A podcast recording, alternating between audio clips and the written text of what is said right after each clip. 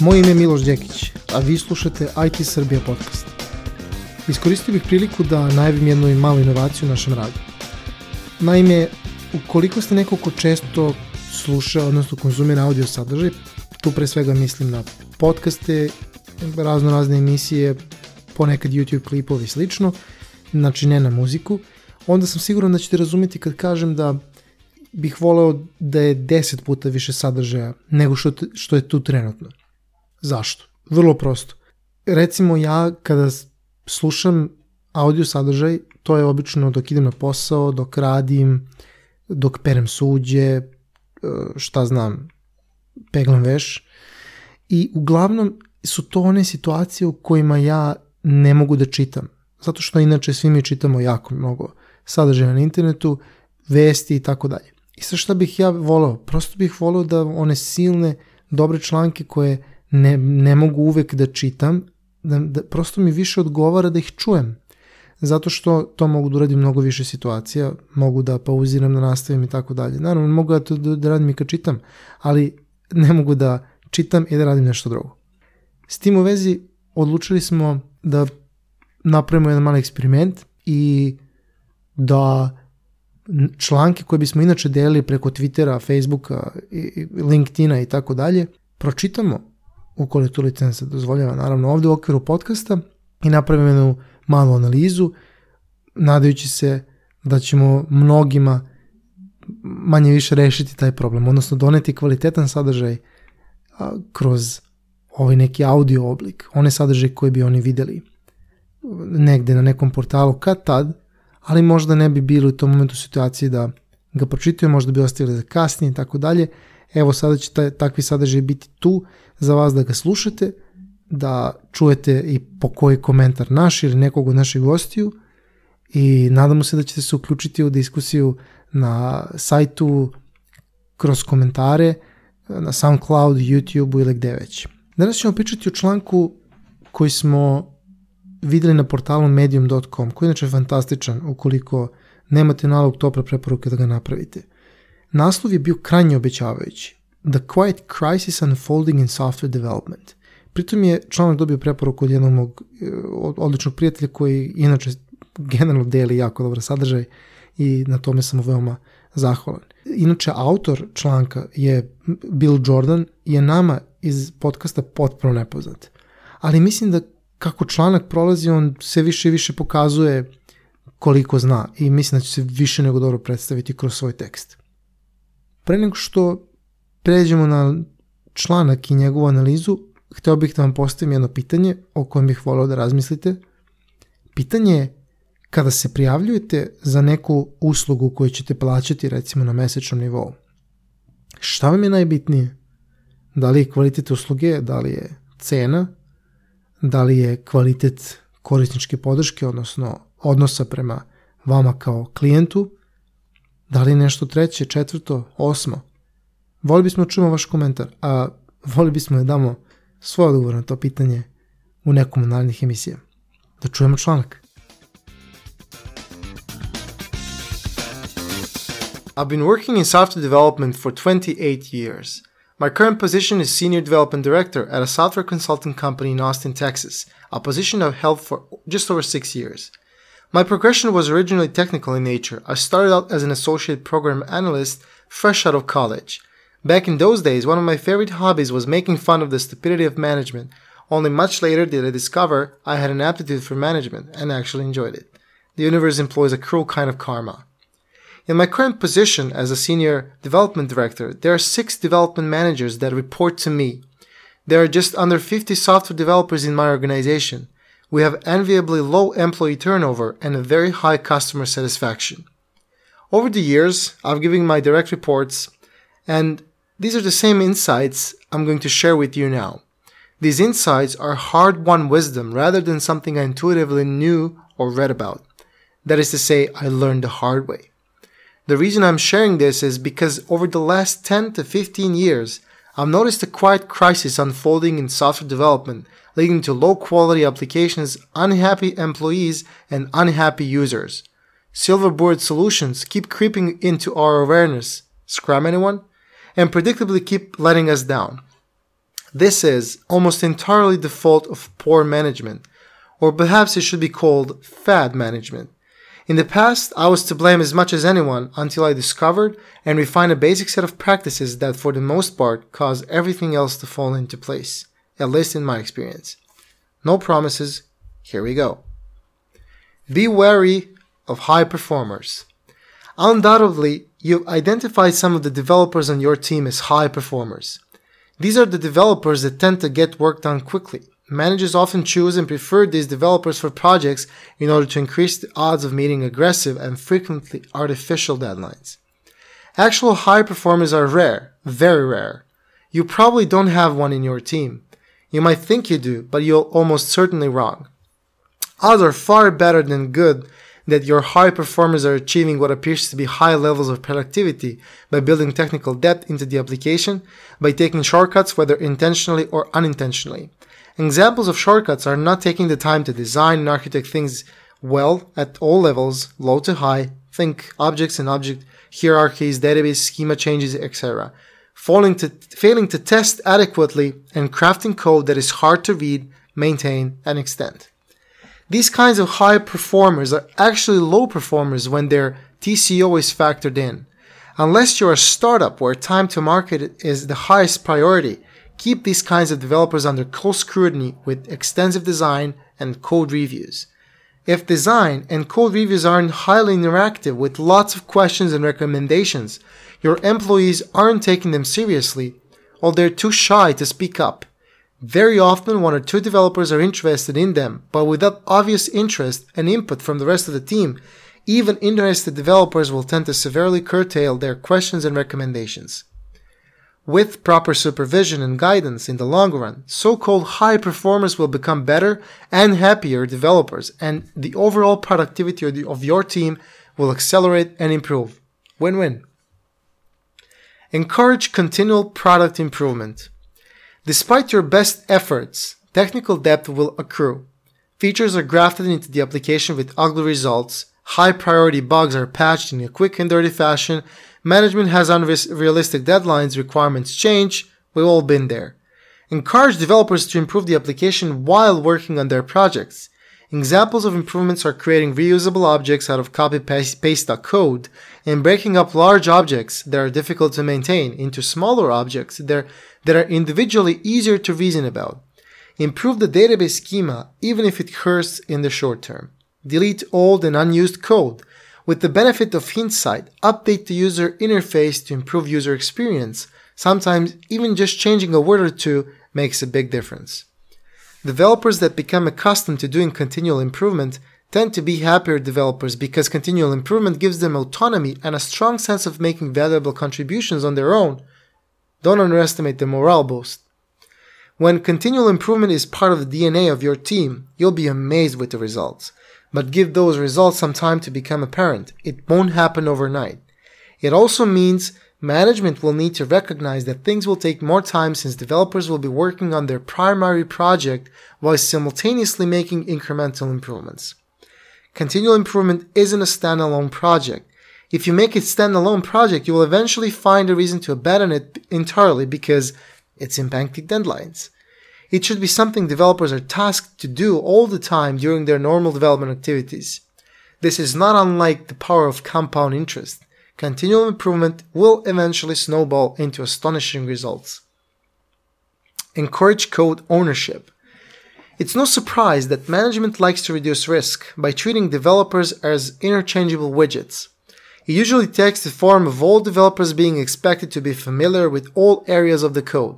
That minimizes the pain when any individual developer leaves the term leaves the team or the company. This is false economy. Your employees like working for you, right? Which means turnover should be low. Don't optimize for developers leaving, which should be the uncommon scenario. For the best results, optimize for the common scenario. Optimizing for the common scenario means giving developers primary ownership of portions of the code and not allowing other developers to change that code without approval from the primary owner. This results in higher productivity since any given developer is more likely to be familiar with the code in which they will t- typically be working. It also helps to identify developers that need extra attention. Some developers produce more bugs just as some carpenters, carpenters produce inferior kitchen ca- cabinets.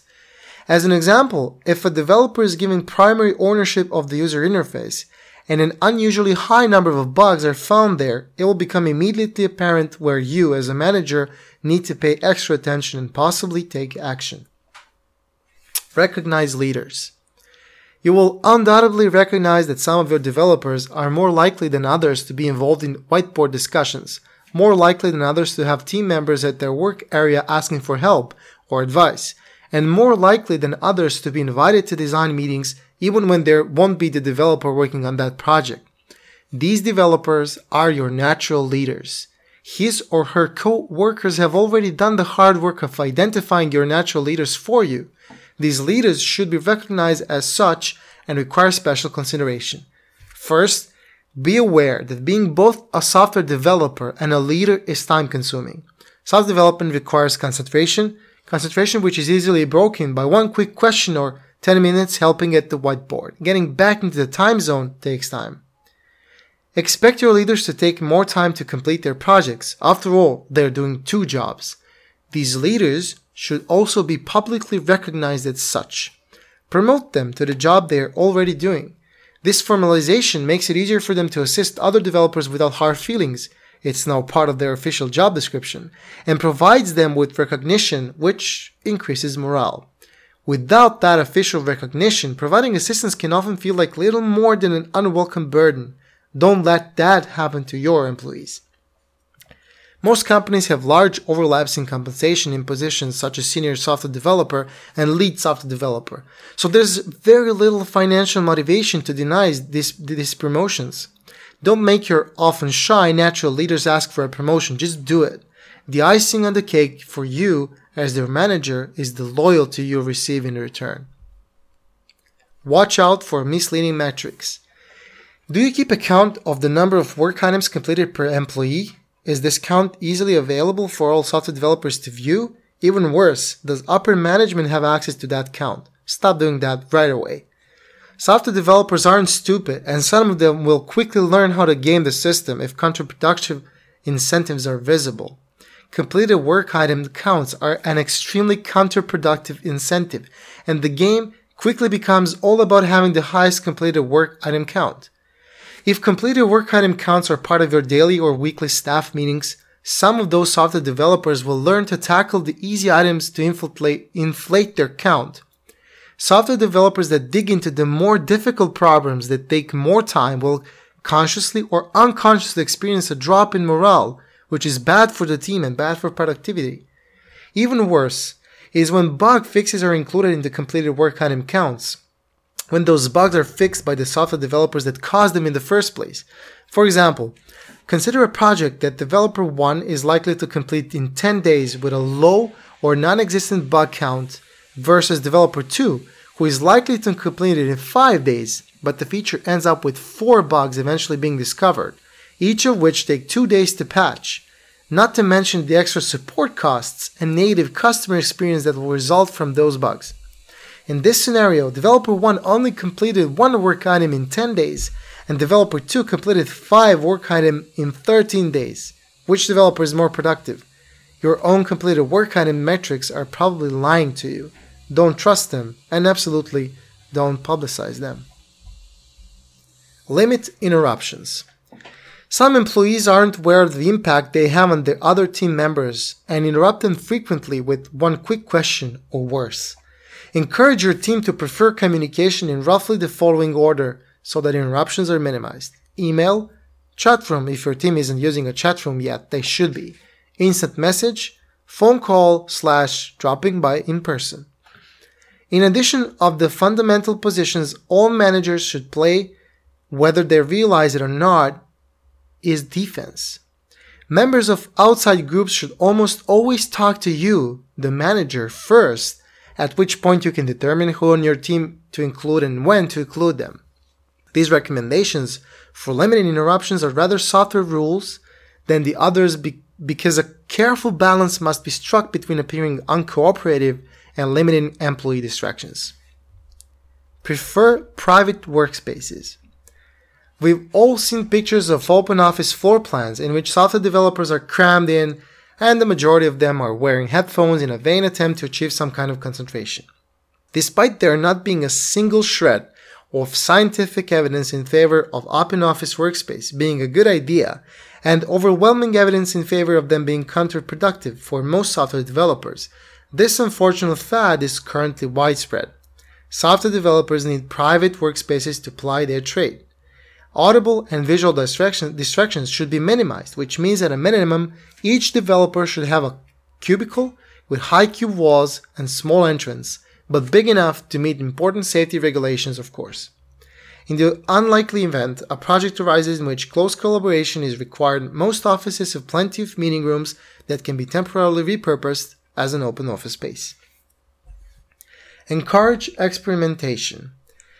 We've all heard of Google's famous 20% time, which made it possible for such breakthroughs as Gmail to germinate and turn into the cornerstone of Google's highly successful online application business. While most companies don't have the enormous monetary resources necessary to truly implement a 20% policy, experimentation should nonetheless be periodically encouraged and supported. Software developers are not devoid of good ideas and have the in the trenches experience to have good insights about how applications may be improved and extended. Giving them the autonomy to occasionally perform blue sky research and development can pay unexpectedly high dividends as well as increase morale considerably. It is also a good way to help managers identify natural leaders who have taken the time to evaluate and consider better solutions for various requirements. This does not mean software developers who prefer to keep work at, work at home aren't worthy contributors, but pay special attention to those software developers who think they might know of a better way to implement something, or might have thought of a feature your customers will love. Let employees leave. If an employee approaches you and asks to leave the group for another group, graciously allow them to do so.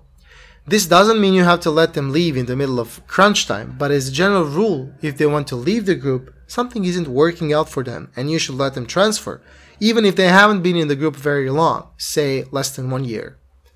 Forcing employees to remain in your group can never lead anywhere good. It will impact their morale, which impacts the morale of the entire group. It is also likely they'll become less effective and in extreme circumstances simply leave the company. Any manager that doesn't allow their employees to leave has completely misunderstood how to produce the best possible balance of happiness and productivity in their employees and is a rookie mistake I've seen experienced managers make far too often. Never turn down small requests. Does your employee want a bigger monitor? Buy them one. Do they want a certain keyboard? Buy them one. Do they want to work from home every other Wednesday to accommodate a personal requirement? Let them. Do they want a Mac instead of a PC? Give it to them. Unless they have a constant stream of requests that never seem to end, you should never say no with only one exception. If you believe the entire team will then want the same small request and it really will impact the budget too much. When compared to their salary and benefits, these little requests go a long way toward keeping morale and thus productivity high and they cost peanuts. If you don't have the budget for these kind of small requests, it's time to start looking for work at another company because mid and upper level management is broken. If you turned down anything small recently, go back to your employee and tell them you're reconsidered and give them their small request. Abolish yearly and bi-yearly performance reviews. Your employees should never wait 6 to 12 months to discover that you feel they've ex- excelled at and what they need to work on. Communication between managers and employees should be like a river that never stops flowing. Too many companies are still stuck in the past with their harmful and counterproductive periodic performance reviews. Some performance reviews even require peer ratings, sorry, peer ratings, which is a recipe for employees to secretly engage in ensuring each other good reviews, or employees that don't like each other blasting each other. In either case, the results are less than useful and typically actively harmful. This manager-employee communication should not take place during artificially forced periodic one-on-one meetings, often done weekly or semi-weekly, which are usually an uncomfortable requirement for both managers and employees when there's really nothing that needs to be discussed. Both managers and employees should feel relatively comfortable approaching each other when communication is deemed necessary. If an employee is extremely uncomfortable initiating communication with their manager or vice versa, it is indicative of a bigger problem.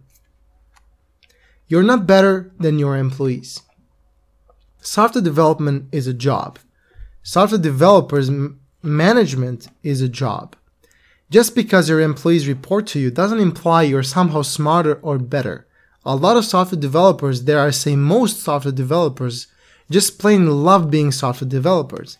Don't you confuse and don't let your software developers confuse management as career progression. It's just a different job, even if it generally pays a bit more. One of the worst things you could ever overhear an employee say is that their career is stalled because they haven't landed a promotion to management. There's nothing wrong with a lifelong career that keeps your brain engaged in a positive way, and software development remains an outstanding career. Developers should want to get into management only for one reason because that's what they want to do, not because it's considered a step up. Don't discount younger or older developers. Younger employees really do have more energy, which improves productivity older employees really do have more experience and wisdom, which improves productivity. Build a team with diversity in age and watch them blossom into something more than the sum of their parts. All ages have an important role to play, and the best developer teams I've worked with have invariably had people of all age ranges, from their 20s to those approaching retirement age. They complement each other extremely well, the synergy is hard to explain, but easy to see from a management perspective. In other words, don't let age play a role in your hiring process, and you and your employees will benefit in the end. Don't have stupid dress codes. As a manager, it's likely you don't have a whole lot to say here, but if you do, allow your employees to dress casually. You certainly don't want them going to work with torn up jeans and or in their pajamas, but a nice pair of jeans and any decent shirt with a collar should do just fine. By now, humanity, has learned that over the top dress codes don't improve productivity or company success. And certainly the only men left wearing necklets should be bankers or lawyers. Okay, I'm kidding about that last part. A little. Let your employees be comfortable. For some of them, that's jeans and a basic colored shirt, and for others, it's a business casual. They're adults and you should let them decide. Summary This article is a very long winded way to help you learn how to care for your software development employees with best results. If you properly care for your employees, they will take care of you, leading, leading to better product outcomes and higher career satisfaction for both you and them. This is a mostly a compilation of common sense but I felt it needed to be compiled in one place for all those low level software development managers out there. I wish it had existed in my first day as a software development manager. This was all learned on the job through trial and error, and I cannot guarantee it will work for every team. But I've done my best and look forward to feedback. I'm sure it's by no means complete, but it should get any software development manager on the track to success. jasno vidimo da je Bill iskusan pripadnik IT industrije. Počeo u priliču tehničkoj ulozi i završio kao direktor razvoja koji vodi tim menadžera u kompaniji solidne veličine. I sad pomenuto iskustvo svakako vrlo, vrlo obećava. Ok, autorova početna teza, nešto, nešto što daje ton njegovom članku i sa kojim se inače ja 100% slažem, je podjedan da je kvalitet proizvoda, da ne kažemo softvera, veoma, veoma opao. Generalno da je sve lošiji i lošiji. I to se osjeća kroz nezadovoljstvo um, različitih zainteresovanih strana, kako mi to kažemo, stakeholdera. Različiti izvori nude, kako bi to autor nazvao silver bullet rešenje, a mi bismo to rekli brzo rešenje, lako rešenje, ali se to svodi na one priče pet koraka da središ svoj život, postane agilan za 5 dana i tako dalje i tako dalje. I lično mislim da svi koji su isprobali ova brza rešenja su došli do potpuno istih zaključaka i osetili popriličnu količinu razočarenja. Ono, ono što je veoma zanimljivo i opet se slažem 100% sa autorom je da krivica za ovaj opadajući kvalitet softvera leži isključivo na lošem menadžmentu. Čak on to naziva fad management – meni, meni to zvuči kao gomila ljudi koji glumi menadžere. Oni, oni se drogiraju nekim suludim entuzijazmom da, da, da, da budu agile, da furaju Scrum, da primenjuju Minto proposal sistem kad pišu dokumente i šta ti ja znam. Međutim, ta motivacija da oni primenjuju određenu metodologiju, koriste taj taj instrument ili princip vođenja projekata ili biznisa, ih drži veoma kratko. Međutim, posledice koje naprave svojim eksperimentisanjem su potencijalno veoma dugoročne. Naime, e, Bill Jordan nam u svom članku daje nekoliko saveta kako da izbjegnemo da nam kvalitet proizvoda koje pravimo bude loš.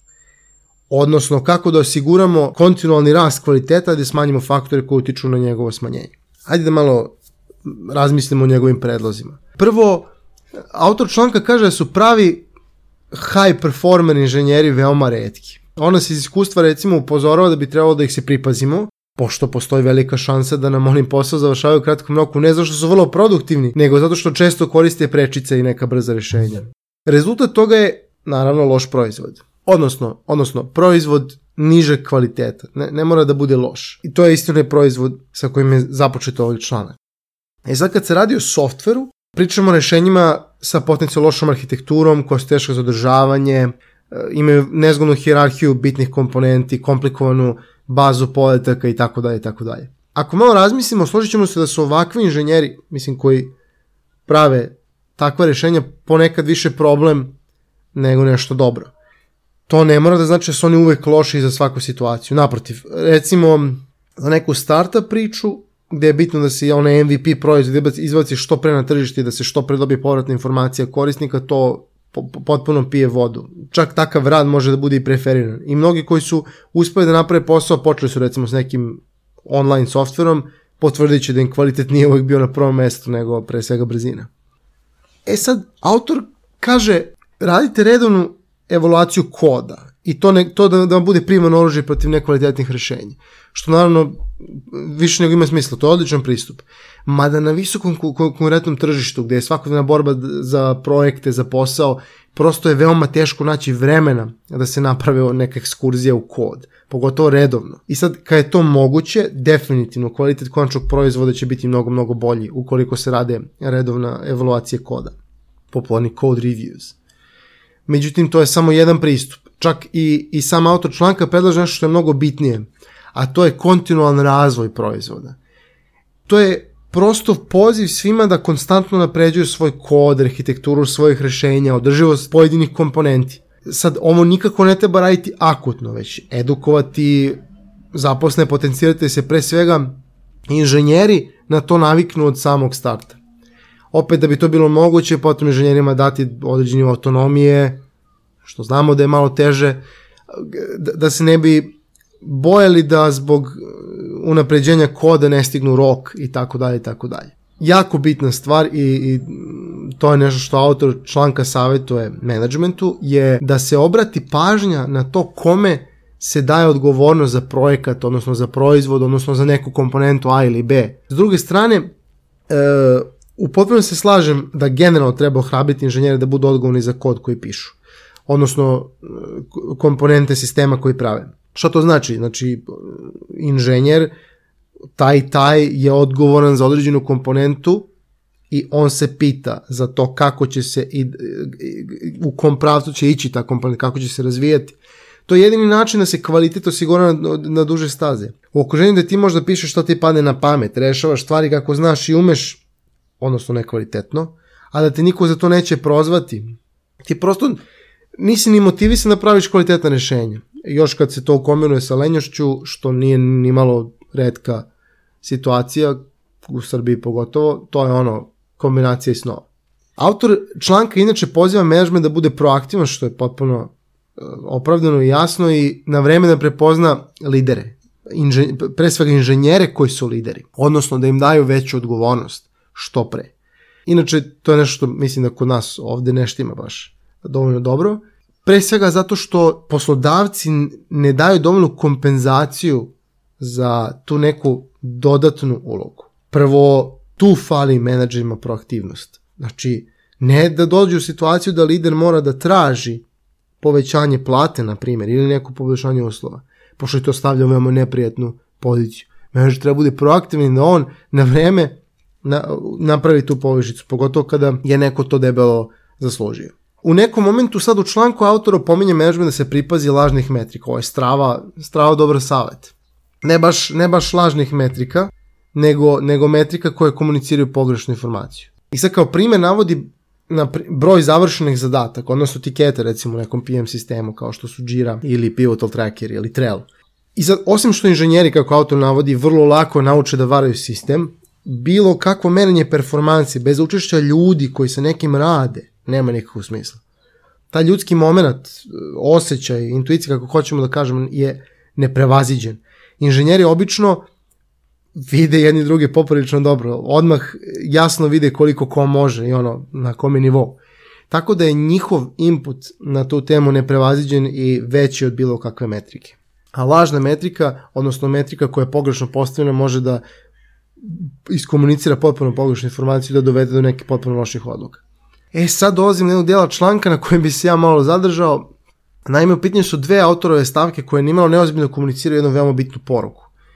U pitanju su pod jedan poziv da se limitiraju prekidi u poslu i pod dva da se uvedu privatnije radne okruženje. Pa da vidimo. Prvo, svako ko radi u okruženju da više ljudi radi na sličnim poslovima, vrlo dobro zna kako izgleda kada ga neko prekinuo posao zbog ovoga ili onoga. Obično je pitanje, e, kako da uradim ovo, šta misliš o onome, možeš da mi daš neku brzu procenu, naravno to nikad nije brzo, i tako dalje i tako dalje. Da ne pričam, kad se ljudi šetaju s projekta na projekat u jednom danu, horor, recimo, Autor članka koji smo slušali malo pre predlaže se pitanja koje izvače ljudi iz konteksta postavaju isključivo putem e-maila ili nekog, na primjer, chat klijenta kao što Slack ili HipChat. To skroz pije vodu. Zašto? Zato što daje mogućnost ljudima da se pozabave odgovorom onda kada njima odgovara, odnosno kad im to neće narušavati produktivnost. Ja predlažem svima ako najiskrenije. Jednostavno, upotrebite zdrav razum.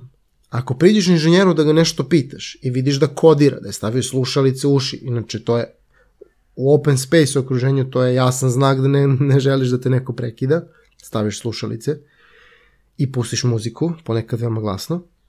Ako ga vidiš da, da, da, da, da nećeš, da, da ne želi da ga neko prekine, nemoj da ga smaraš, odnosno da je smaraš. Zato što ćeš nekom potencijalno narušiti produktivnost, da ga izbaciš iz konteksta, da ga izbaciš iz šina, izbaciš iz zone, a to ne može da bude dobro, pa sutra ni za tebe. Nikad proste rješenje. Znači koristite zdrav razum. E sad čuveni open space. Prvo, kako sam autor članka navodi, ne postoji nikakav dokaz, niti istraživanje koje bi pokazalo da otvoreni prostor bolje od alternative. Niti da je produktivnost kod inženjera veća, što je ono što bitniji deo. Nažalost, to je zabluda koju kompanije osvajaju šakom i kapom. Iako postoji toliko sadržaja na raznim izvinama gde se ovom temom ljudi krajnje ozbiljno bave i skoro nikad ne daju svoj glas otvorenom prostoru. Čini mi se jako malo slučajeva i to obično bude lični utisak pre, pre nego bilo šta drugo. Mislim, iskreno da ovo nije nešto što može lako da se reši, ako uopšte može da se reši, pošto realno open space koncept je najjednostavniji, odnosno najjeftiniji. Poređaš jedan redova stolova, staviš stolice svakom po laptop i monitor rešen problem. E, zagrađeni prostori dodaju kompleksnost koju baš nije lako ispratiti. Drugo, u realnosti timovi rastu, smanjuju se, prosto menjaju se, pa znaju da veoma lako prerastu neki prostor koji je obično ograničen i tako dalje. Dakle, um, sa stanovište jednostavnosti i prosto troškova open space zaista ostaje najbolje rješenje. No, da, da ne bude da sam sam argumentov oba stava, da se nisam odlučio, mislim da bi trebalo težiti nekom rješenju sa nekim pokretnim zidovima ili tako nešto, kojim bi se određeni otvoreni prostor mogu lako prilagoditi, tako da zagradi timove da napravi, da omogući autonomiju tima i razvoj međusobnih odnosa koji je realno otežan otvorenim prostorom, iako e, deluje da podstiče upravo suprotno, ali nije tako. E sad, ako neko skroz usvoje open space koncept, onda bar da poradi na tome da postoji određeni broj prostorija, gde ljudi po potrebi mogu da se osame i barem privremeno da podignu recimo svoju produktivnost, da se zadrže na, na, na, u zoni. E, realno, to zaista mora se prihvati nekome, jednostavno potrebno nekada da bude sam, a da nastavi da radi, da nastavi da bude na zadatku. Šta da kažem, treba misliti o tome. Inače, baš se pitam kako je stanje u Srbiji po tom pitanju. Možda uključimo to neko od sledećih anketa koje budemo radili sajt i organizacijama. Vidjet ćemo. Dalje nam Bill Jordan kaže, ohrabrujte eksperimentisanje. Naravno u domenu mogućnosti. R&D, odnosno Research and Development, nije uvek budžetiran proces u svim kompanijama. Prosto nema dovoljno finansijskih mogućnosti. To, to je nešto, čak, čak i taj naziv je vezan za malo veće kompanije. Međutim, tamo gde je to moguće, prosto ogromna greška uskratiti inženjeru mogućnost da doprinesu sobstvenim idejama. Ako je neko dobar izvor ideja, to su IT ljudi. Prosto svuda vide primjenu tehnologije, teže da reše najrazlačitije probleme instrumentima koje poznaju.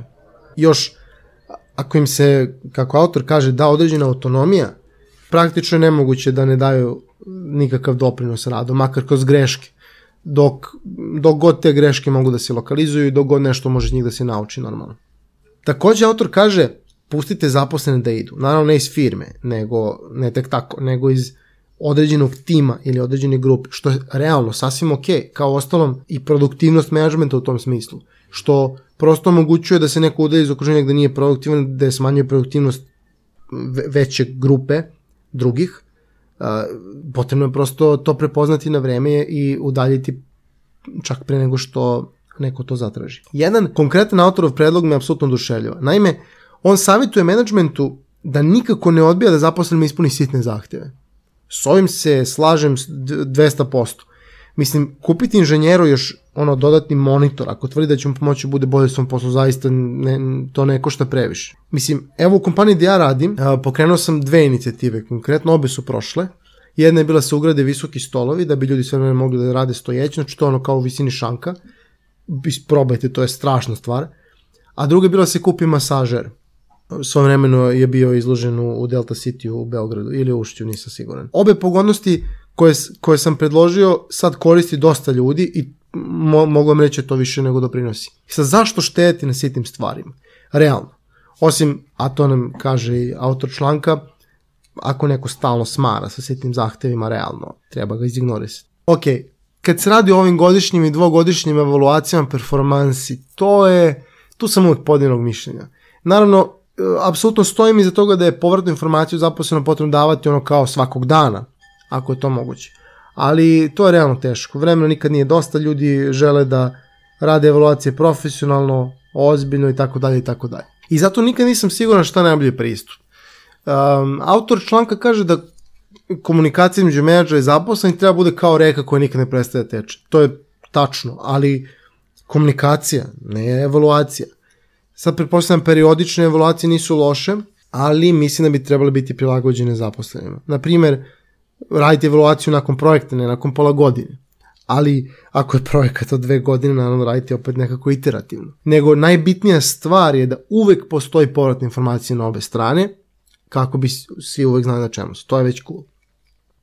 Um, u jednom delu članka autor savjetuje menadžere se po, da se ne povampire i da ne tripuju da su zbog svoje pozicije na bilo koji način bolji od svojih kolega koje koordiniraju.